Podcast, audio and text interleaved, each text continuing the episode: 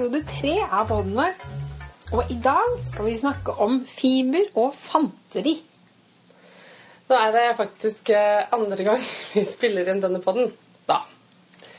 Fordi eh, det skjedde en liten glipp, og eh, uten å gå i detalj, så kan vi si at i en telefonsynkulykke så gikk det første opptaket tapt.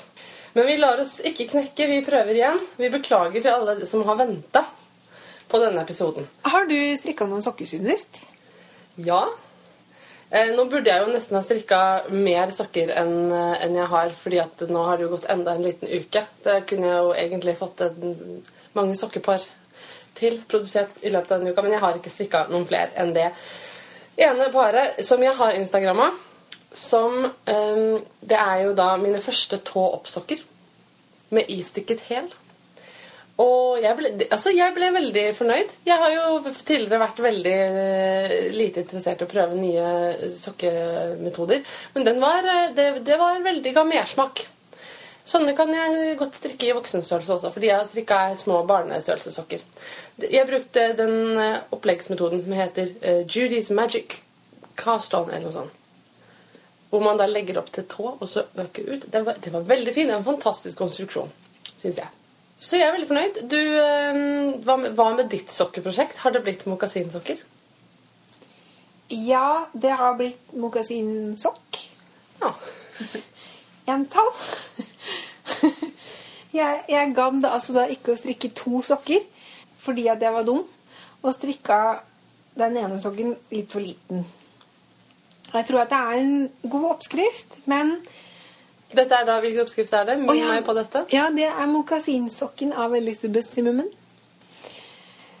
Som har en veldig artig konstruksjon i det at man strikker Man begynner oppe ved ankelen, strikker seg ned, og så, når man vanligvis da deler til hæl, så feller man de hælmaskene, og så fortsetter man på de maskene oppå foten. Og så strikker man en tå. Halve tåa, da, på en måte oversiden av tåa. Og sitter igjen med noen få masker til slutt. Og så plukker man opp langs med hele veien rundt eh, det som da blir fotsålen. Og da blir det Da kan man legge inn en sånn forsterkelsestråd. Forsterkningstråd. Mm. Hele veien i fotsålen. Ja. Ikke bare i hele tåa, men over hele flaten der du tråkker. ja. Og det Veldig lurt. er jo da veldig lurt. Fordi at da, uansett hvordan man tråkker og sliter sokkene, så sliter man minst, mest sannsynlig ikke hull. Liksom akkurat ved siden av der du har forsterkningstråd. Nei. Ja, nettopp. Og hvis du da sliter hull, og du ikke gidder å stoppe, eller det blir så mye hull, eller noe, så kan du bare ta av hele sålen og strikke en ny såle. Og så beholder man resten. Og det som da gikk gærent for meg, det var at jeg strikka i enkel tråd Purewool på litt for store pinner. Og så strikka jeg med en sytråd istedenfor eh, sånn sokkeforsterknings... Eh. Fins det eget, eh, eget sokkeforsterkningsgarn? Ja, det tror jeg Altså, Elizabeth Zimmerman i boka si 'The Knitters Almanac' snakker om at hun bruker det. Og da jeg gikk i sybutikken på Grünerløkka, så fikk jeg vite at det er det ingen som produserer lenger. Så det var vanskelig å få tak i. Så da tenkte jeg at i sokkegarn, der er det jo nylon. Så jeg kjøpte asyltråd, som er av nylon. Det er det jeg alltid har brukt. Ja, så tenkte jeg at da må det funke. Men eh, jeg prøvde å google litt, og da ser jeg også at Nøstebarn selger silkeforsterkningstråd av råsilke. Og det syns jeg hørtes ganske råflott ut. Men eh, det viser seg da etter et kjapt lite Google-søk at både silke og bambus er de fibrene som er de sterkeste fibrene strikke, kan strikke med. da. Det er jo også svaret på mitt spørsmål sist gang om da bambussokkegarnet mitt kommer til å holde som sokkegarn. Altså det er ullgarn forsterka med bambus, som jeg syns ikke hørtes så veldig sterkt ut. Men som hun dama jeg kjøpte det av, mente bestemt at det skulle være sterkt. Men da bambus sterkt. Jeg tror det er en eh, riktig konklusjon å trekke. Du kan jo da strikke et par sokker og gjøre litt empirisk forskning på dette her også. Det høres ut som en bra plan. Jeg skal strikke tåoppsokker. Ja. Men jeg tenkte på en ting. Eh, kanskje man kunne brukt sånn stoppegarn i sålen istedenfor eh, sokkeforsterkningsgarn, siden det tydeligvis ikke fins lenger. Ja, For det, stoppegarn fins. ja. Det tror jeg helt sikkert man kan gjøre, men det er jo litt tjukkere, da. Ja, det er så klart. at da får du Men det kan være, kunne være fint med litt sånn tjukkere såle. Men Ja. da blir det nesten kanskje tøffelsokker. Ja, men det er jo kanskje Hvis det er sånne innesokker, så er jo det sikkert veldig fint. Ja. Så det er en veldig god oppskrift. De satt veldig fint på foten, den ene sokken jeg lagde. Men de ble for små. Ja, fordi at jeg tror kanskje at når jeg strikka inn sytråd i hele bunnen, eller hele fotsålen der, at den ble litt mindre elastisk enn jeg hadde regna med. Ja. Sånn at Ja, for liksom det er jo helt klart når man strikker inn Jeg har bare strikka inn sytråd liksom, i tå og hæl. Mm. Og da gjør det jo ikke noe at akkurat den biten ikke er elastisk. Men når det er hele sålen Ja, og jeg så jo Altså, dette er jo et kjent problem når man kanskje strikker armer og syns det er litt kjedelig, f.eks. Og så tenker man at dette blir for kort, og så tenker man at den strekker seg sikkert. Den gjør jo aldri det. Det blir jo, det blir jo for kort. Jeg har motsatt problem. Jeg tenker sånn Nei, dette her blir altfor kort. Det verste jeg vet, er for korte ermer. Så strikker og strikker og strikker. Sånn at jeg har flere gensere som jeg har sånn erme nedpå knokene på hånda. Nå syns jeg det er ganske deilig, da. Ja. Men eh, ja, det er ikke noe, det er ikke noe trekvartsarmer. For å si det på den måten. Nei. Jeg tenkte kanskje jeg skulle prøve å strikke trekvartsarmer en gang, så kanskje de ble passe lange. Lurt. Ja. Nei. Men så du har bare én. Du kan strikke en liten en til, og så kan du gi til et barn. ja. Jeg får kanskje gjøre det. Fordi eh, Ellers så eh, har du en utstillingssokk. Jo, men altså, den blei veldig fin, og jeg fikk testa å strikke stripemønster sånn som jeg hadde lyst til å gjøre. Eh, strikke striper med to rader og striper med én rad av hver. Og det ble veldig fint, altså. Så jeg tenker at den der kan gå liksom settes inn i en perm og være en sånn testsokk. Du kan lage en sånn eh, Hva heter det? Sånn eh, som man må Kartotek-greie, liksom. ja. Portfolio. Ja. Strikkeportfolio. ja. Yes. Nei, men det Mokasinsokken blir eh, til allmenn beundring og ikke til bruk. Fordi det bare er én av dem, og da må du hinke hele tiden, og det er så upraktisk. ja.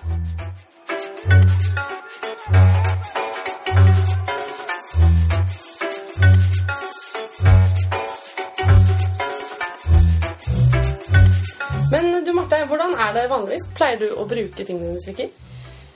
Ja. Det, jeg bruker stort sett alt det jeg har strikka. Hvis jeg ikke bruker det, så er jeg faktisk ganske flink og rekker det opp. Og jeg har godt funnet på å rekke opp noe som egentlig er helt fint. Fordi at det ikke ble helt sånn som jeg hadde tenkt meg. Og da tenker jeg, da får jeg, kommer jeg ikke til å ha lyst til å bruke det. Så for meg så er liksom det viktigste at man føler seg fornøyd med, med det. Uavhengig av om det egentlig sånn objektivt sett da, er fint eller ikke. Det er jo relativt hva man syns er fint. Ja. Jeg er en sånn som strikker fordi jeg vil ha plaggene. Ikke fordi jeg bare elsker strikkeprosessen. Det er klart jeg liker å strikke, men jeg gidder ikke å strikke noe hvis jeg ikke er interessert i plagget som kommer ut i den andre enden. Sånn at hvis man merker underveis at man ikke er så interessert i det lenger, så pleier jeg også å avbryte, da. Men det er jo sånn at noen ting de blir ferdige, og så er det likevel ikke helt sånn som du hadde tenkt. og jeg har strikka noen plagg som ikke har fått så mye lufting også, for å si det på den måten. Uten at vi trenger å snakke veldig mye om det. Um, Men eh, i siste episode så varsla jeg at jeg skulle stille deg et spørsmål. Og det var litt morsomt, fordi rett etterpå så oppdaga jeg at det spørsmålet er et sånt som går rundt i liksom strikkemiljøet på Instagram. At man svarer på spørsmålet, og så tagger man noen. Og det spørsmålet er, som jeg da lurer på, er Hva er det fineste du har strikka noen gang? Ja Vet du hva, jeg har tenkt og tenkt og tenkt på dette her siden eh, forrige gang. Og jeg er like blank nå som da du først spurte. Men jeg tror at hvis jeg må velge én ting, da må jeg nok si Helge. Helge. Helge. Som jeg kom i skade for å kalle Harald. Ja, herligheten. Helge er en hval. Eh, han er ganske stor. Og visstnok, da anatomisk korrekt, en knølhval. Så han har både sånn den derre bulken på hodet, holdt jeg på å si, eh, der han puster ut, Ja. og sånne knupper på kjevene, sånn ja, sånne vorter, liksom. Ja, liksom vorter. Og finner og greier. Og Han er helt nydelig. ja, nå ligger han og svømmer nede på gulvet her.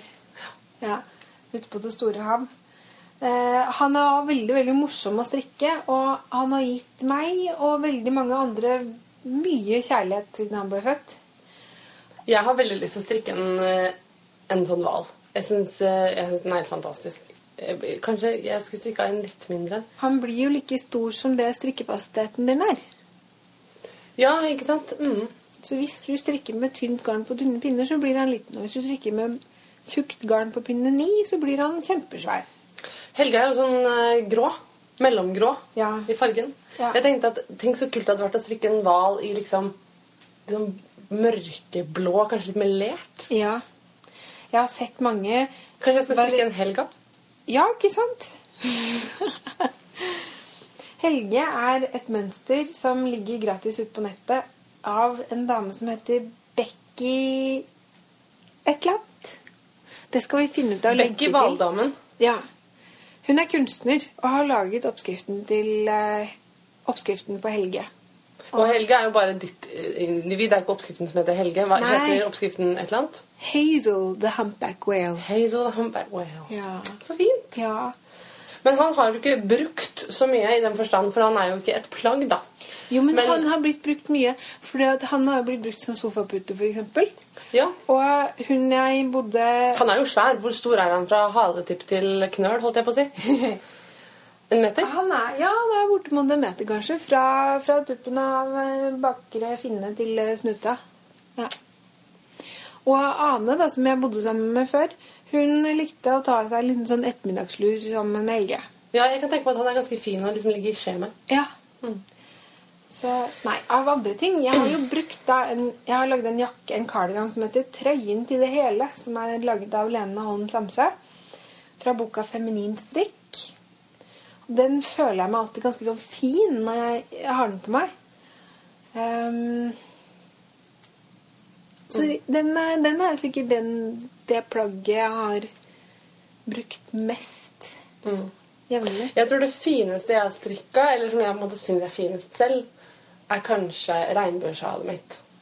Det er strikka i kaun i regnbuegarn. Og det er mønsteret er um, North, Mar North Marine Hap av Kate Davies. Og det er jo egentlig litt sånn um, latmannsvalg av garn, fordi hennes sjal er jo stripete. Men for å unngå å ha liksom en million ender å feste. Så jeg strikka det når det var um, OL i Sotsji. Så strikka jeg sånn regnbuesjal i en sånn nittelong. Pinnejuri sin nittelong, som var eh, regnbuestrikk under OL. Som en slags eh, strikkestøtte til eh, alle involverte og ikke-involverte homofile parter. Ja. Um, Veldig, veldig fint er det. det er veldig fint, og jeg har brukt masse. Nå har det en bitte, bitte lite hull i seg som jeg tør ikke å ta det ut av skapet engang, for jeg er så redd for at det skal rakne. Og da, så jeg må bare stoppe litt. Men kanskje det som har blitt brukt mest som jeg strikker, det tror jeg er eh, sauejakka til Tomine. Den er veldig, veldig fin, og den oppskriften heter 'Welcome to the Flock', som jeg strikka mens jeg var gravid. Og den er jeg også veldig fornøyd med. Og den får jeg utrolig mye komplimenter for. Og svigermor har sagt at hun ønsker seg en i, i, til seg selv. Finner om jeg skalerer opp litt. Men eh, ja. Det er jo ikke alltid sånn at det fineste alltid er det man bruker mest heller. Nei. Det, jeg har en annen jeg bruker hele tiden. Men den er jo ikke fin lenger, for den er så nuppete og slitt. og slaskete elsket. Den er veldig elsket. Noen ganger så er det jo sånn at plagg bare aldri blir ferdige. Her For en stund siden så beit jeg tenna sammen og rakk opp begynnelsen på en genser. Den kom bare aldri til å bli noe av. Og det, det er litt trist på en måte. Kanskje jeg hadde litt jeg, eller jeg har fremdeles lyst på den oppi hodet, men jeg, bare, jeg vet at ikke det kommer til å skje. Jeg gidder ikke. Eh, og jeg gidder ikke ha den liggende heller som liksom en slags dårlig samvittighet og påminnelse om at jeg ikke gadd. Så jeg rakk den opp. Bort med den. En eh, lytter som jeg kjenner, som heter Tommy, Tommy Mo, 77 på Instagram, han har spurt om vi kan gi litt ufo-motivasjon. Ufo det er da altså uferdige objekter. Unfinished objects. Jeg tror at Tommy har en tendens til, at, til å liksom akkumulere ufoer. Det er morsommere å begynne på nye ting enn å avslutte. Det er noen som har det sånn. Jeg har det ikke sånn. Har du? Ja, litt. Kanskje litt. Ja. Men har du, hva, hva er din erfaring da, Marte? Hvis du er en sånn som liker bedre å legge opp ting? ja. Altså, min ufo-holdning det er det greit, at det er greit å ha noen av dem så lenge man har et realistisk forhold til om det kommer til å bli brukt og ferdigstilt noen gang. Og der er jeg ganske streng med meg selv. Så jeg har nå klart å eliminere alle sånne helt urealistiske so- ufoer. Bortsett fra to som ligger nede i sofaen min, og de er nok tapt for evig og alltid. Og de er, det er fordi det er liksom noen av de første fine prosjektene jeg strikka på, at jeg har ikke helt hjerte i meg til å kaste dem. Og så er de i sofaen, så da er det greit, liksom. Det, det, sofaen, det er jo ingen som vet om dem. Nei, det som er oppi sofaen, det er det, Det er ingen som har noe vondt av. Ja, ikke sant? Det er, det, det er omtrent som om det ikke fins. Mm, men jeg hadde f.eks. en jakke som var potensielt veldig, veldig nydelig. Og det var en av de første tingene jeg strikka som var sånn, litt sånn kul og motaktig, som jeg blei veldig veldig gira av å strikke. Og jeg strikka den to ganger. Første gangen så ble den litt liten, og så ble jeg ikke så fornøyd med hvordan den ble laget. Så jeg strikket den med ny teknikk. Og jeg har strikka den, og da er jeg helt ferdig, men da blei den for stor. Og så hadde jeg brukt feil garn, så den bare sklei av skuldrene mine. For den var altfor, altfor, altfor tung. Og nå har jeg da klart å begynne å rekke opp den, og da har jeg faktisk fått en ny genser ut av deler av det garnet der. Og det ble jeg veldig, veldig fornøyd med. Så den har jeg brukt mye. Jeg har veldig få ufoer akkurat nå. Jeg har en halv bleiebukse og en halv yogasokk. Bleiebuksa ja, den er halvferdig omtrent, men jeg har ikke bruk for den lenger. For mine barn har vokst ut av den alderen hvor jeg har brukt brettebleier og ullbukser på dem. Nå bruker de en annen type tøybleier. Så den, eh, men den er et restegarnprosjekt, sånn at eh, den er allerede på en måte strikka av noe oppre, opprekka greier. Så ja. Jeg tror den skal få bare ligge der litt til. Yogasokken eh, altså, Jeg kan for all del gjøre dem ferdig. Jeg bare jeg har vel kanskje ikke helt behovet for yogasokker. Jeg tenkte på det da jeg var gravid, fordi at da var jeg altså varm hele tiden. Jeg holdt på å smelte, følte jeg. Så da ville jeg ha sånne sokker med liksom åpen tå og helt som lufta godt. Men eh, så slutta jeg å være gravid. Eller jeg fikk et barn til. Ja, så da gikk det, behovet forsvant. Ja, graviditeten bare gikk over. Um, på den beste måten en graviditet kan gå over på, da, kan man si Ja. ved at barnet kommer ut. Men altså, jeg ser egentlig på disse to ufo-prosjektene ikke egentlig som ufoer, men mer som sånn oppbevaring av garn, altså. Det er restegarn som oppbevares i halvferdig plagg istedenfor i neste. Så hvis jeg noen gang får lyst til å bruke det garnet, så kommer jeg til å rekke opp og nøste opp, og hvis ikke, så kommer det til å kanskje Hvis jeg flytter en dag, få vandre videre til de evige strikkejaktmarker. Ja. Men jeg tror altså at mitt beste ufo-tips er rekk det opp. Hvis ikke du er gira nok til å få ting ferdig, og ikke gidder å strikke på det, så få det ut av livet. altså. Strikk ting som er gøy. Men så, jeg ser jo da at det er ikke alle som har så uproblematiske ufoer som meg. Jeg, jeg skjønner jo at det er annerledes hvis du har liksom en nesten ferdig genser som ligger og stirrer på deg. Kanskje ikke nær til deg selv engang, kanskje nær til kjæresten din, f.eks., og du har brukt masse tid på den. Du kan ikke bare rekke den opp, liksom. Og du, eller noe du tror kommer til å bli veldig fint, da, men du bare har ikke helt Du har ikke helt gnisten, kanskje. Da tenker jeg at planlegging er tingen. Jeg er en varm tilhenger av lister. Jeg, hvis jeg er litt stressa, hvis jeg syns noe er vanskelig, i det hele tatt, så skriver jeg lister. Jeg har lister overalt. I alle bøker og blokker på baksiden av eh, papirer. Hver dag når jeg kommer på jobb, så begynner jeg dagen med å skrive en liste for hva jeg skal gjøre den dagen. Og så skriver jeg gjerne et par til i løpet av dagen når jeg ikke følger den første lista. Og så eh, tenker jeg at strikkelister har jeg veldig mange av. Og da tenker jeg at man kanskje kan skrive, eh, lage en plan da, om liksom, hva man strikker på når. Og hvis man har måte bestemt seg for at ok, men når jeg ser på den serien, da skal jeg strikke på det plagget, og sånn er det, så er det kanskje lettere å gjøre det enn å finne fram noe annet. Og så kan man jo ha, bestemme seg for sånne ting som at man må strikke opp ufoene sine før man får lov til å legge opp noe nytt. Da må man jo høre på seg selv, da. Men så tenkte jeg jeg har ett ufo-tips til. Og det er at man kan prøve å liksom bli litt forelska i plagget på nytt. Fordi når man finner en, en oppskrift man har lyst til å strikke, og begynner eh, å liksom lete etter garn og se litt på andre folk som kanskje har strikka det samme, så er det litt sånn forelskelse. sant? Man får litt dilla. Um, man faller litt for det mønsteret. Kanskje man kan prøve å finne tilbake dit, da, til den følelsen. altså, hvis man har vært i et forhold med, med et strikkeplagg lenge, eh, som ikke er helt ferdig. Så, så kanskje man har gått litt lei av hverandre. Kanskje man har sluttet å se magien. Ja. Sant? Kanskje man må komme tilbake til, til utgangspunktet litt. Grann. Kanskje man kan se på mønsteret på Ravelry på nytt. Se på litt oppstrikka plagg, hvor fine de er. Prøv å finne den gnisten igjen. Har du hatt de følelsene en gang, så kan du, kan du finne dem tilbake igjen. Det tror jeg er mitt ufotips, Tommy. Nå ble jeg litt rørt, Marte.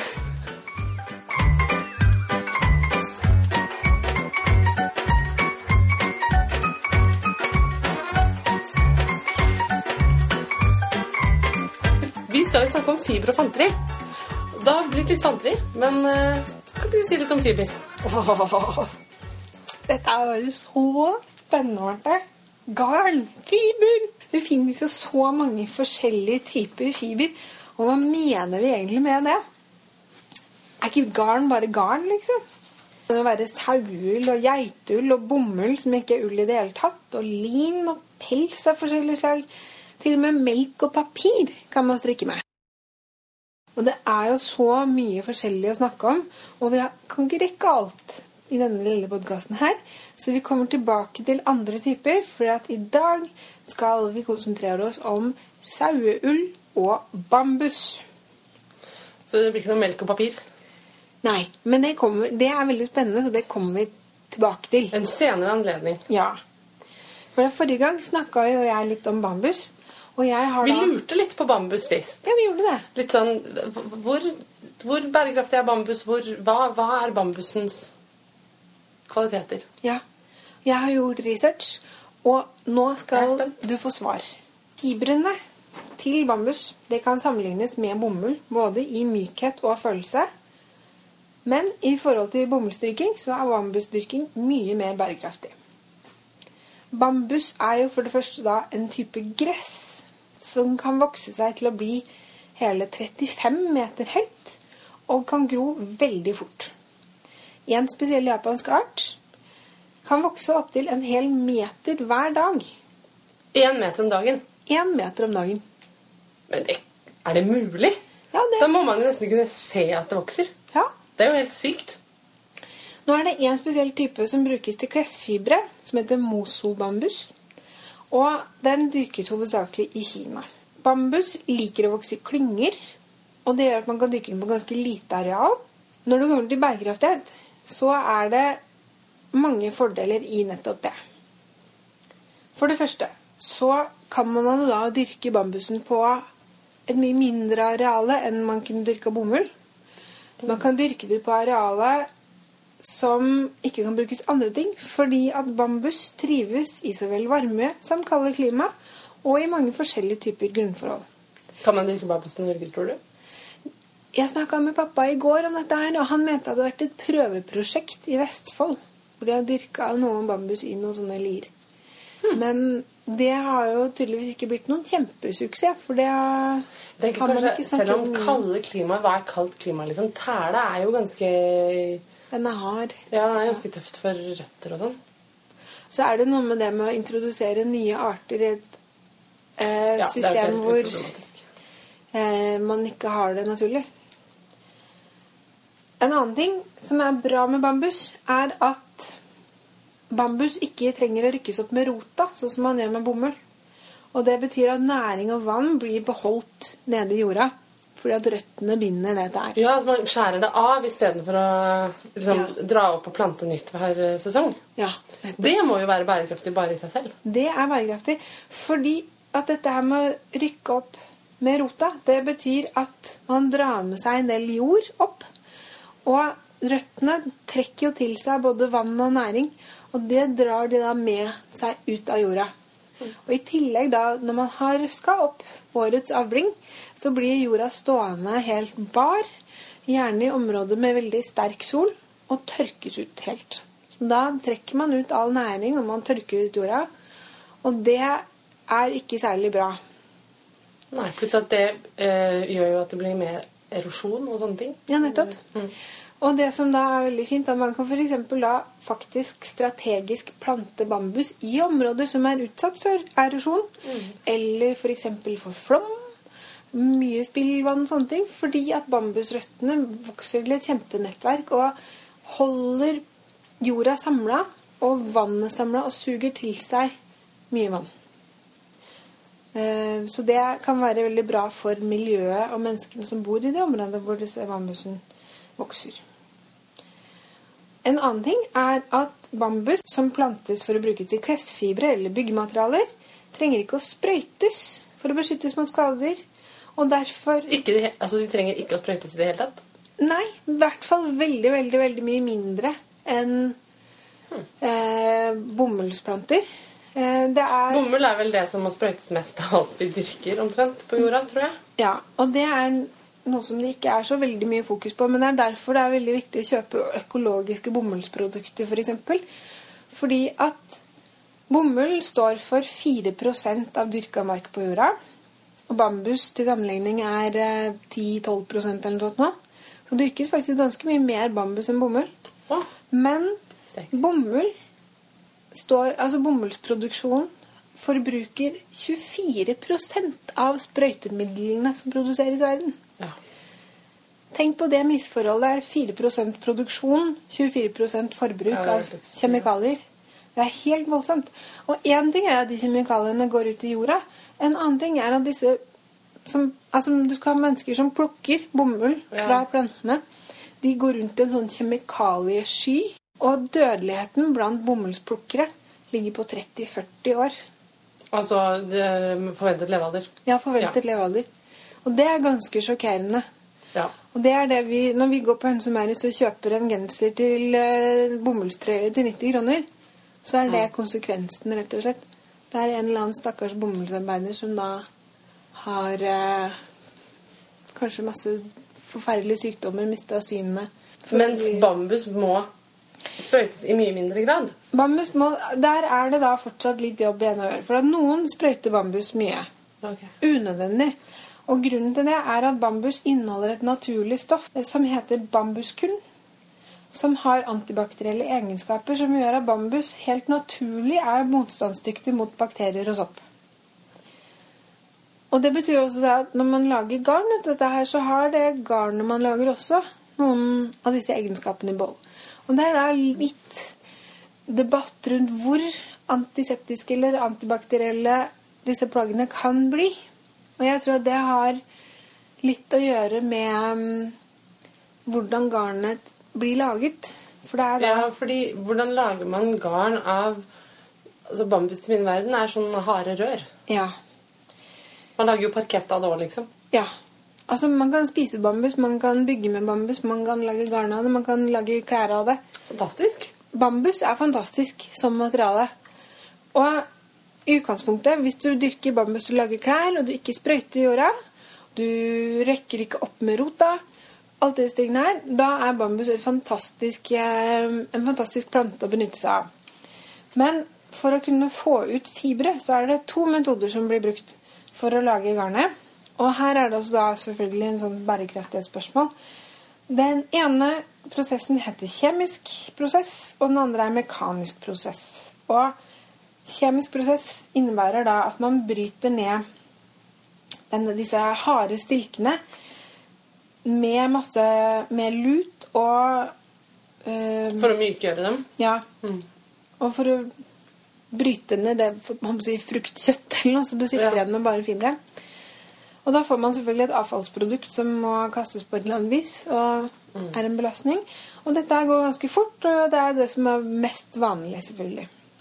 Mekanisk prosessering det er den samme prosessen som man bruker for å lage lingarn, Ja. som går ut på at bambusen knuses og behandles med helt naturlige enzymer, som da ligger og gjærer i eh, lang tid. Noen uker kanskje, noen måneder. Hvor man da til slutt kan gre ut disse fibrene. Jeg har, sett, jeg har sett den prosessen med lin. Ja. Vi har andeler på sånn andelslandbruk som heter Øverland i Bærum. Og der er det eh, noen damer som driver med linproduksjon. Det ser veldig kult ut. De driver og liksom grer disse fibrene. Ja.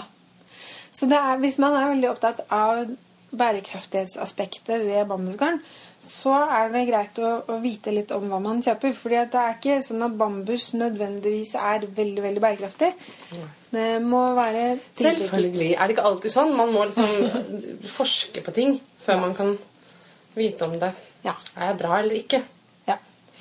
Når det gjelder garnkvaliteten, så er bambus mykt. Mykere enn bomull. Det har en slags hul struktur, som, som, litt sånn som ull, som gjør at det isolerer både mot kulde og varme. Og antistatisk, sies det også. Og etter et lite søk på Ravelry for å finne ut om det finnes garn og finnes oppskrifter og sånne ting, så ramla jeg da over en oppskrift som tilfeldigvis er fra den samme produsenten som det derre stygggrønne garnet du snakka om i forrige pod. Ikke styggrønne, styggpene. Styggpene, ja. Styggpene grønne. ja.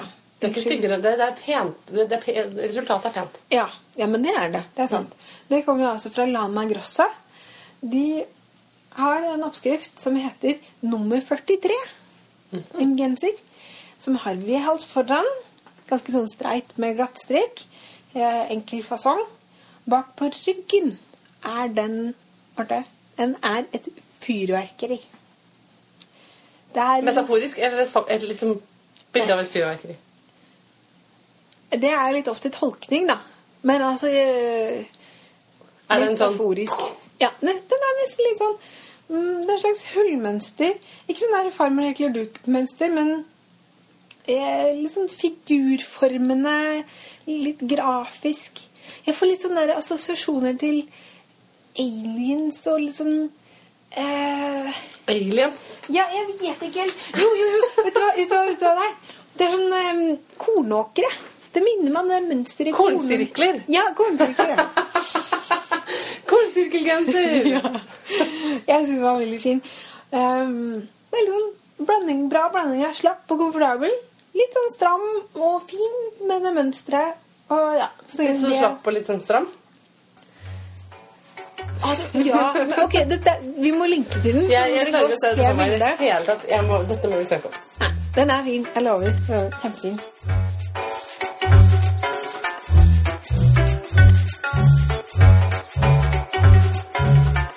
Det kommer vel ikke som en overraskelse på noen som har hørt de to første episodene av podden vår, at jeg skal snakke om ull. Og at jeg syns at ull er en helt fantastisk fiber. Altså, Ullens eksepsjonelle egenskaper er jo mange. Eksempel det puster. altså det, det gjør det jo ikke, det er ikke et levende vesen, men det slipper fuktighet ut mellom fibrene, sånn at ullplagg faktisk transporterer fuktighet ut av garnet. Ut av, ut av ullen. Det gjør at måte, selv om ull gjør deg varm, så hindrer det ikke kroppens egen termostat fra å jobbe. Du får en mer stabil kroppstemperatur hvis du går med ullplagg. Og så er ull veldig lite brennbart, i motsetning til sånne ting som plastbaserte syntetfibre, som brenner veldig raskt og liksom smelter på huden. Så bruk ullflis isteden.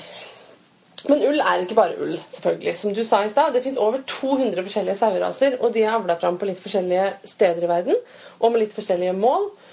Og altså, Noen er avla fram for at de skal ha spesielt godt og smakfullt kjøtt. Noen er avla fram for å ha spesielt fin ull. Jeg har konsultert litt med en amerikansk fiberentusiast og ekspert som heter Clara Parks. Altså ikke personlig, men hun har skrevet en fantastisk bok som heter The Knitter's Book of Wool. Og den har jeg brukt som hovedkilde til alt jeg sier om ullfiber i denne episoden. Så den kan man sjekke ut. Jeg anbefaler den på det varmeste hvis man liker sauer og det som vokser på kroppen deres. Det er en del oppskrifter i den, men jeg syns ikke det er hovedfokuset. Hovedfokuset er på en måte gjennomgangen, en grundig gjennomgang av ull, noen ulike saueraser, ullen deres, hvordan den er, og hva den egner seg til. Når du kjøper fabrikkprodusert ullgarn, så står det gjerne ull på banderolen. Hvis det står noe mer enn bare ull, så står det noen ganger merino.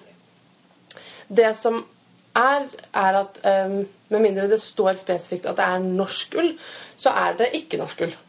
Fordi nesten alt ullgarn som produseres i Norge, er laget av importerte fibre. Og nesten all eh, ullplagg som, som selges i Norge, er også laget av fibre eh, fra andre land. Veldig mye kommer fra Australia og New Zealand. De er verdens største ullprodusenter. Og der er det merinosau som er eh, Som er på en måte hovedeksportvaren. Eh, altså ikke merinosau, men merinofibre. Og det har jo fått en del negativ oppmerksomhet eh, i diverse kanaler. Det er eh, pga. en eh, ganske kjip prosess som gjøres med noen, noen sauer i de landene, som heter mulesing. Som innebærer at man ja, det er litt ekkelt, at man skjærer av en bit av rumpa til sauene eh, for å hindre en parasitt som lever i liksom, rumpehullet til sauen. Faktisk, men den dreper jo faktisk sauen. Ja, jeg jobber jo i eh, garnbutikk, og det er jo spørsmål som kommer opp fra bevisste kunder. Noen ganger får vi e-poster med bilder av De er dette her. bildene. Nei, det er helt grusomt å se på. Det er jo da et ganske sånn komplekst spørsmål. Ja, man skjønner jo det hvis man begynner å sette seg inn i det. Det er liksom ikke svart-hvitt heller. Nei. Fordi at merinosauen var ikke en eh, Hva heter det for noe? Native species. Species, ja. Den, var Ja. ikke, altså, den har blitt importert til Australia, sånn som veldig veldig mange Ja. eh, type gårdsdyr. da. Ja, den var ikke Den er ikke, hører ikke naturlig til på i Australia. Og har nå blitt eh, sårbar for en spesiell type parasitt som kommer inn via rumpehullet og spiser opp innenfra. Æsj, æsj, æsj. Ja. Altså Den gode nyheten da, bare for å komme den midt oppi dere, er at hvis man kjøper merinoull fra andre steder enn Australia, så det jo, eh, har jo ikke disse sauene blitt utsatt for verken parasitten eller mulesing. Ja. For det er jo det som er spørsmålet her. Hva er egentlig verst? Å få en bit av rumpa skåret av uten bedøvelse, eller å bli spist opp innvendig av en parasitt? Ingen av delene høres veldig fristende ut, må jeg innrømme. Det som da Altså Mulesing det er ikke lett å forsvare på noen som helst måte, men formildende omstendigheter er at dette blir gjort på eh, sauebarna når de er små. Lammet, Og, lammene som vi sier. ja, og det gror fort. Men det er jo da skjære av en bit av huden uten bedøvelse. Det høres Ja. ganske brutalt ut. Men det er da Sånn som mye dyrehold er veldig brutalt. Jeg har en Ja. følelse av at sånn Altså, jeg mener ikke å forsvare mulesing på noen måte. Jeg syns det er ekkelt. Men det er litt sånn at folk hisser seg veldig opp hva man gjør med søte lamunger, men de kanskje burde heller tenke to ganger på hva som har blitt gjort med kyllingen de spiser til middag. Eller svinesteika. Ja. Fordi at alle norske svin, mannesvin Ikke de som på to bein, men de på fire. De blir kastrert uten bedøvelse. Så der skjærer man ballene rett og slett av grisunger i Norge i dag. Det er helt vanlig praksis, og det er visstnok på samme smerteskala som den kastreringen, som vi da anser som helt normal. Du, vi snakker Men- ikke så mye mer om lesing. Nei. Det er vanskelige spørsmål, man, men man kan unngå eh, å kjøpe Altså man kan kjøpe garn som En del garn er merka med at det på en måte er mulesingfritt garn. Ja. Eh, eller man kan kjøpe garn som kommer fra merinosau, som er produsert eh, Altså hvor fibrene kommer fra andre steder enn en, eh, Australia og New Zealand. Eh, det kommer ganske mye eh, merinoull bl.a. fra Sør-Amerika. Ja. Og der er ikke den parasitten. Det som man da kan spørre seg er, hvordan kan man vite at garnet kjøper er mulesingfritt? Ja. Og da må du gå i butikken og spørre hvor kommer dette garnet fra. Og svaret du mest sannsynligvis kommer til å få da, er at nei, det vet vi ikke. Nei. Fordi at i Australia og New Zealand så har de ingen praksis med å merke fibrene. Mm. Så alt blir putta i en stor sekk og spinnes på spinnerier i stort sett Kina. Eller andre steder. Og det- da kan man ikke vite hvor, hvilken gård det garnet kommer, eller fibrene kommer fra. Så da må man kjøpe garn fra små lokalprodusenter, og da koster det mer penger. ja. Så det er et valg man kan ta som strikker. Men, og det, det er jo, måte, Dette jo, henger veldig sammen med det eh, jeg begynte med å si. altså at på en måte Når man kjøper eh, ullgarn, så står det ull på banderollen. Og det er jo sånn i Norge også at på en måte, om du kjøper, ikke kjøper merinoull, men bare ullgarn, så er det eh, Hva er ull? Stort sett så er det en miks av mange forskjellige typer ull fra ulike saueraser. Fordi ull sendes fra eh, eh, sauebøndene inn til fabrikker, hvor alt bare på en måte kjøres sammen, og så sorteres det eh, etter mykhet, etter farge, etter fiberlengde. Og man foretrekker gjerne hvit ull fremfor farga ull, fordi at den kan man farge uten å bleke den først. Det er jo et paradoks at man ofte bleker svart ullgarn, nei, svarte fibre for å farge det svart for å lage garn. Um, men, men det som Clara Parks, altså forfatteren av den boka jeg snakka om, eh, sier, er Tenk om man skulle behandle f.eks. vin på samme måte. Altså bøndene sender, du- lager vin, og så bare kommer vinen inn til en fabrikk hvor all vinen helles i en stor tank. Rød og hvit og alt sammen. Rør rundt og tapp på sånn generiske flasker og send ut uh, Det heter vin. og tenk, Det er det samme med ull. Tenk så utrolig mange nyanseforskjeller vi går glipp av når ull bare selges som ull. For det er jo faktisk sånn at det er ekstremt stor forskjell på ulike sauerasers ull. Og det garnet man kan lage av ulla, det egner seg også til, til å strikke veldig ulike plagg av. Ulike typer plagg. Her finnes det utrolig mye å lære og fordype seg i. En verden å utforske, altså. Um, har du f.eks. noen gang strikka et plagg som ikke oppfører seg sånn som det skal? Som ikke henger på en pen måte, eller som ikke viser hullmønster og fletter på en ordentlig måte uansett hvor mye du blokker? Det kan hende at det plagget du har strikka, burde vært strikka av en annen type ull. Jeg har tenkt litt på det med mitt Annis-sjal som jeg strikka for et par år siden. Det ville liksom ikke ligge pent. Det ruller seg litt i den ene kanten. Og jeg tror at det er strikka i et ullgarn som ikke er helt ultimat. Jeg skal komme tilbake til det. Saueull består av fibre som har en viss lengde, en viss tykkelse og en viss mengde krøll. På fagspråket så kalles dette for staple length, altså lengden på fibrene, fineness og crimp. Crimp er altså da graden av krøll eller krepp. Hvor mye krepp det er i De, de som har veldig høy grad av crimp i, i, på fibrene, de ser jo ut som sånn eh, 80-tallskreppa. Merinosauen er jo sånn. Den ser helt sånn, sånn eh, buklete ut. Lengden på fibrene er avgjørende for hvordan man kan spinne dem, eller hvordan det er vanlig å spinne dem. Lange, glatte fibre de spinnes ofte til et garn som er ganske tett og har en del tyngde og mye glans. Da gres fibrene, sånn at alle fibrene ligger i samme retning. Det kalles worsted spinning på engelsk, og kamgarn får du da. Det på norsk kalles kamgarn. Korte fibre, som er mye mer krøllete og kreppete, det kan spinnes til sånn lett, fluffy garn med mye elastisitet og sprett. Det kalles woolen spinning, eller på norsk karregarn. Forskjellen på woolen og worsted er altså hvordan man preparerer rulla. Om den enten karres sånn at fiberne ligger alle veier, eller gres sånn at alle ligger i samme retning. Og ullfibrenes tykkelse har ganske mye å si for, hvordan, for hvor mykt garnet blir. Men slett ikke alt, for det kommer veldig an på graden av krøll også. Jo mer krøll og jo tynnere fibre, jo mer elastisk og sprettent og mykt garn får du. Og da kommer vi til den biten hvor jeg sukker og sier hvorfor? Hvorfor skal alle ha så mykt garn? Det er ikke noe galt å strikke mykt garn, selvfølgelig. Men det er en veldig sånn ensidig opptatthet av at garnet skal være silkemykt. Altså, jeg føler at folk har så utrolig lav terskel for liksom at ull er ullete. Ja, det er sant. Eh, Noen vil ikke ha ull som klør på huden. Eh, Det skjønner man jo, men de aller verste løper rundt nakne med ullgenser på, liksom. Eh, Altså under ullgenseren. Man pleier jo å ha noe under en ullgenser. Um, men jeg tror, jeg, min teori da er at etter flisens inntog på 80-tallet, så har vi blitt så vant til at alt skal være så innmari mykt. Og bare at vi er rett og slett blitt litt sånn her blinde for at det motsatte også kan funke helt fint. Jeg tror vi går glipp av veldig fantastiske garn og veldig fantastiske klesplagg hvis alt skal være liksom så mykt og plø hele tiden. Og én ting. En viktig ting. Ta og strikk en prøvelapp, og vask den før du sier at et garn stikker. Ja, Fordi det er skjer det så mye når man vasker et garn. Eh, Noen garn er spunnet med ganske mye spinnolje i. Noen garn er farga med, eh, med stoffer som gjør at det er litt annerledes, litt stivere enn det kommer til å bli.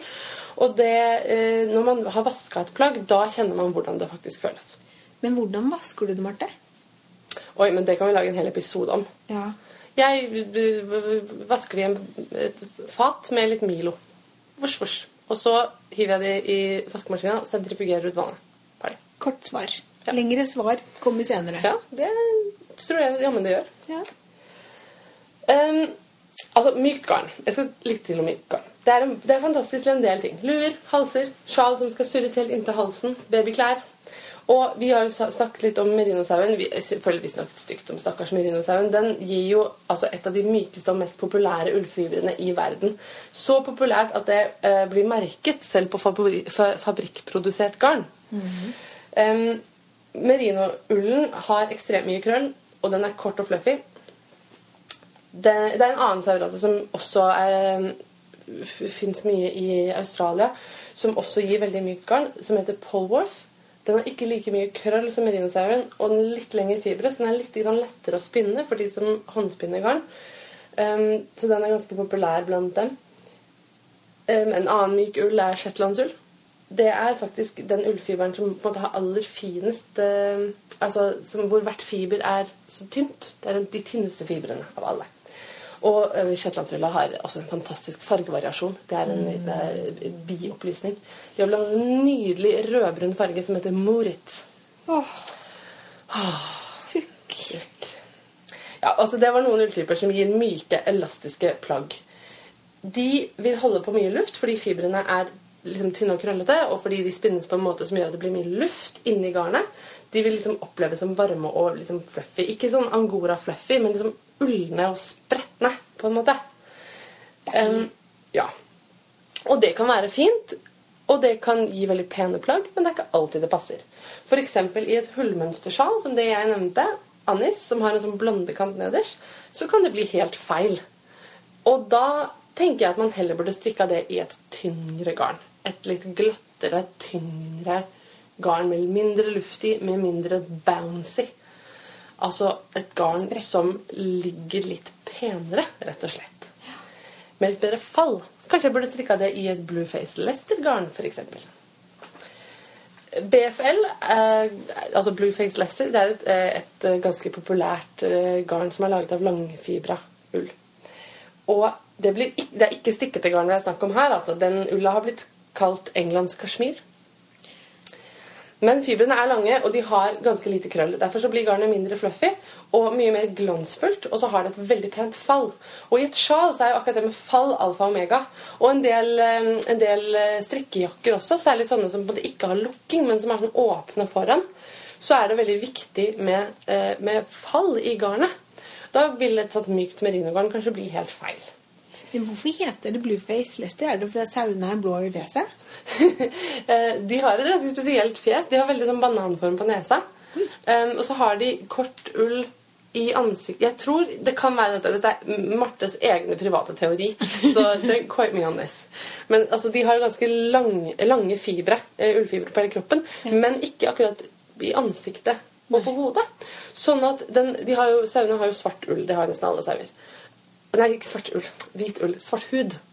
Ja. Sånn som eh, de fleste eh, dyr egentlig har. Mm. Og da vil jo den synes litt gjennom ulla, på en måte. Så da får de kanskje nesten litt sånn blåskjær. Ja. Jeg synes De er veldig kule. De har veldig kult uh, fjes. I det hele tatt, hallo, Les litt om ulike saueraser. De ser så fantastisk funky ut. Ja. Merinosauer ser helt sprø ut. Noen sauer som har lange fibre, altså mindre krøll og lange fibre, har også litt sånn grov ull som blir da mer stiktegarn. Og da har vi f.eks. Romney og Cotswold. Det er eksempler på andre saueraser enn Blueface Lester som har sånn langfibra ull og grov ull, altså tykkere fibre. Romney brukes en del i teppeproduksjon, og Cotswold brukes mye til veving. Men man kan helt fint spinne strikkegarn av begge disse ull, rasene sine ull. Um, det var litt sånn sauenavn. Jeg føler jeg har litt sånn sauerasenavn opp i lufta. Men det viktigste for meg i hvert fall er på en måte det å kunne skille litt mellom ulike ullkvaliteter som gir plaggene jeg strikker, de kvalitetene jeg vil at de skal ha. Og da handler det jo på en måte vel så mye om å kunne på en måte gjenkjenne det i et garn som å kunne veldig masse ulike eh, sauerasenavn. Det handler jo om, Og særlig fordi at det garnet vi kjøper i Norge, med mindre vi kjøper garn fra utlandet, så, det, så, står det ull, og det er det det står, liksom. Mm. Og da, da, må man på en måte kunne en måte se litt på garnet og vurdere hva det skal brukes til. Men si da at jeg vil strikke meg et nytt Annis-sjal i BFL denne gangen. Hva gjør jeg da? Og dette, mine damer og herrer og podlyttere, det er ikke et retorisk spørsmål. Hva gjør jeg? For jeg vil strikke meg et nytt sjal i BFL. Men altså, så vidt jeg vet, så er det køl umulig å få tak i rasespesifikk ull her til lands. Med de litt pussige tollreglene som Norge har, så blir det helt rabiat dyrt å bestille den typen garn fra utlandet. Fordi et hespe kommer jo på over 200 kroner, liksom. Mm. Hva er de nye tollreglene? 300 kroner inkludert porto eller noe sånt. 350 Ja, vi gidder ikke å snakke om det engang. Ja. Um, men altså Fins det noen uavhengige saueoppdrettere som selger garn av spesifikk rase i Norge? Eller må vi bare kaste våre henholdsvis karrierer som akademiker og arkitekt over bord og starte et lite Marte og Marte eh, BFL-oppdrett hvor vi kan dyrke bambus i solveggen? Ja. Ja. Å, hadde ikke det vært deilig? Altså, Nå er jo ikke BFL akkurat en norsk sauerase, da. Det er sånn at 70-80% av sauene i Norge er av typen som heter norsk hvit sau. Og så har vi litt dalasau og litt spælsau og sånn. Eh, og gammel norsk spelsau. Og så har vi norsk villsau, som jeg selv deler gårdstun med. Noen titalls av dem. Um, så kanskje det jeg faktisk eh, skal gjøre, er å ta den lange, harde overrulla til sauene hjemme og spinne et fint sjalgarn som ligger litt pent. Jeg må bare bli litt bedre til å spinne først. Jeg tenkte faktisk på det etter sist når vi snakket, jeg sa at å, jeg skal strikke en stort Shetland hap i tre forskjellige farger. Etterpå tenkte jeg ja, nei, det er fint å ha hårete mål. med, med tempoet på min garnproduksjon tatt i betraktning, så eh, er det kanskje mer eh, realistisk da å se for at jeg skal spinne et sjalgarn og strikke et lite sjal, enn å strikke liksom et enormt pledd som jeg kan pakke inn hele familien i. Men Marte, jo mer jeg tenker på dette her, dere må jo skaffe dere sånn spinnemaskin og putte på låven. Ja, en maskin, ja. Ja. ja. Men dere har 40 sauer som produserer ull to ganger i året. Det er jo En gang i året. De klippes bare en gang. Å ja. Det må Ja, men uansett, vaskes, og det må karres og Ja. Det er, Ja, vet du hva? Vi skulle hatt en liten uh... Er det noen der ute som er interessert i å være med på dette her? Flytt, flytt opp til oss i Sørkedalen, så kan vi lage garn. um, ja. Jeg tror det er den eneste løsningen. Ja. Hvis noen har noen andre forslag, så er jeg eh, veldig mottagelig. Altså, for jeg skulle gjerne hatt litt uh... Altså, Jeg ønsker meg veldig litt uh, rasespesifikt garn, men jeg, jeg tror jeg liksom må dra på tur til utlandet for å få det. Ja. For den som vil høre enda litt mer podkast om ull, og om ulike ulltyper, da vil jeg anbefale episode 14 av den amerikanske podkasten Knit FM. I denne episoden så er Clara Parks gjest, og hun snakker med Hannah Fettig, som er designeren bak Knitbot, uh, om ull. Ull, ull og ull i hele episoden. Uh, Den er en veldig fin episode. altså Hvis du ikke har hørt på 95 før, så kanskje du oppdager noe nytt og fantastisk. Det er en av mine favoritter. Så det er det jeg har tenkt å si om ull i denne omgang. Men man kunne snakka om det i timevis. Men tenker du på det, sånne ting som fibertyper når du velger garn? ja. Det gjør jeg. Det har jeg jo jeg blir blitt klok av skade. Ja. Men denne jakka som jeg snakka om i sted Altså, Vi har fått inn et spørsmål fra en som har hørt på oss, om vi ikke kan si noe om hvordan man finner riktig garn til riktig oppskrift. Og det er altså spørsmål som vi får i butikken veldig veldig ofte. Kan, om vi kan hva, man bare kan bytte ut garnene i oppskriften. Mm. Og det er ikke noe kort og enkelt svar på det. Men det er noe som må stemme. Og det er løpemeter og strikkefasthet. Og løpemeter det sier noe om hvor drøyt garnet er. Hvor mange meter det er på hvor mange gram. Og som Marte nettopp har forklart nå, så er det jo da forskjell på hvordan man spinner garn, om det er kamgarn eller karregarn. Og når du da finner Om det er to totråd eller tretråd garn eller entråd, altså hva, Ja. hvordan, hvordan spinneteknikk det er brukt. Kabelspunnet eller Ja. Det er jo mye som spiller inn på løpemeter. Ja. Som tommelfingerregel, på en måte.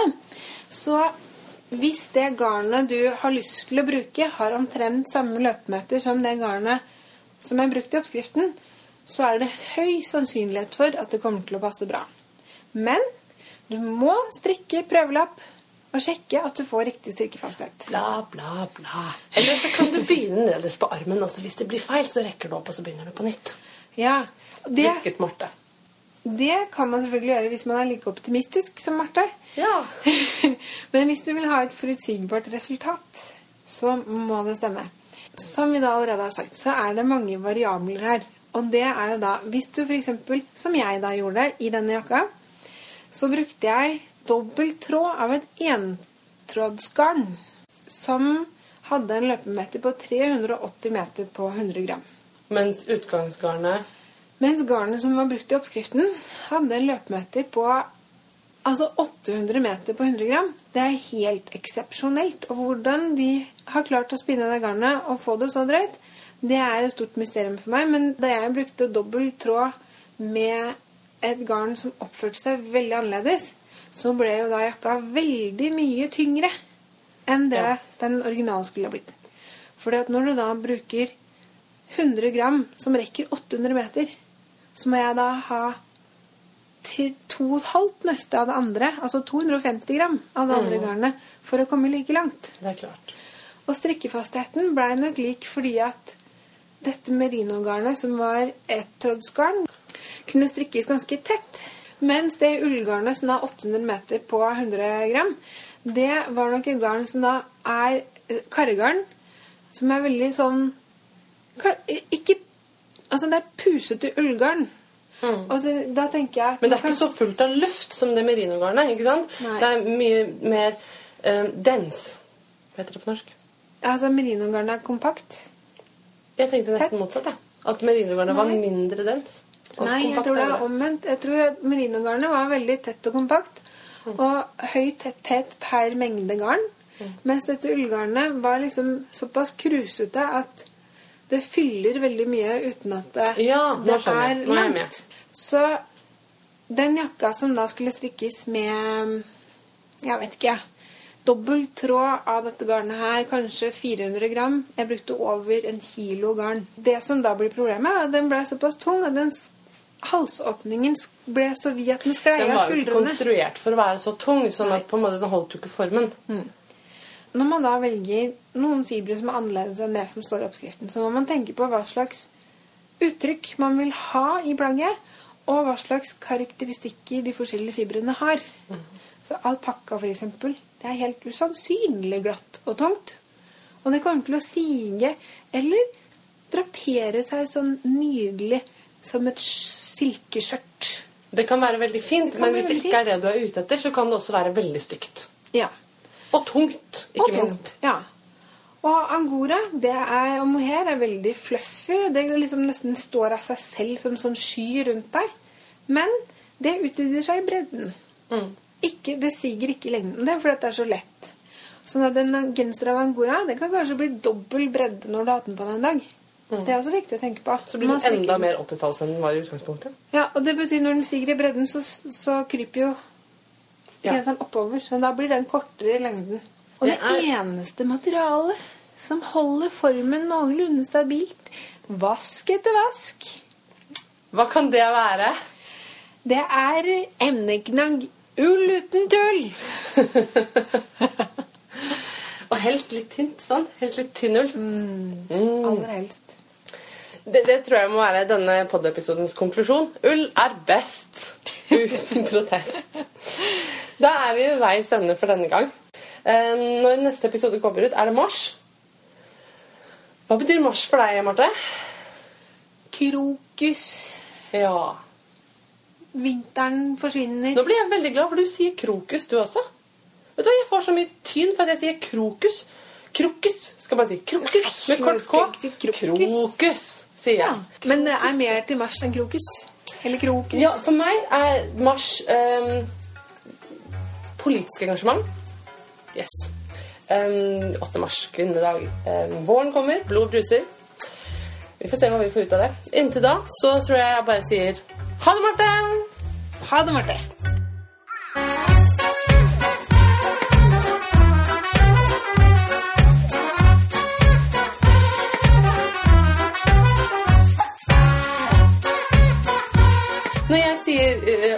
nå kommer krokusen. Vet du hva Anne sier det? Lila krokus, sier hun. Ja, men det er fra Anne fra Bergen. Jo, men hun sier jo krokus. Altså krokus, sier hun da.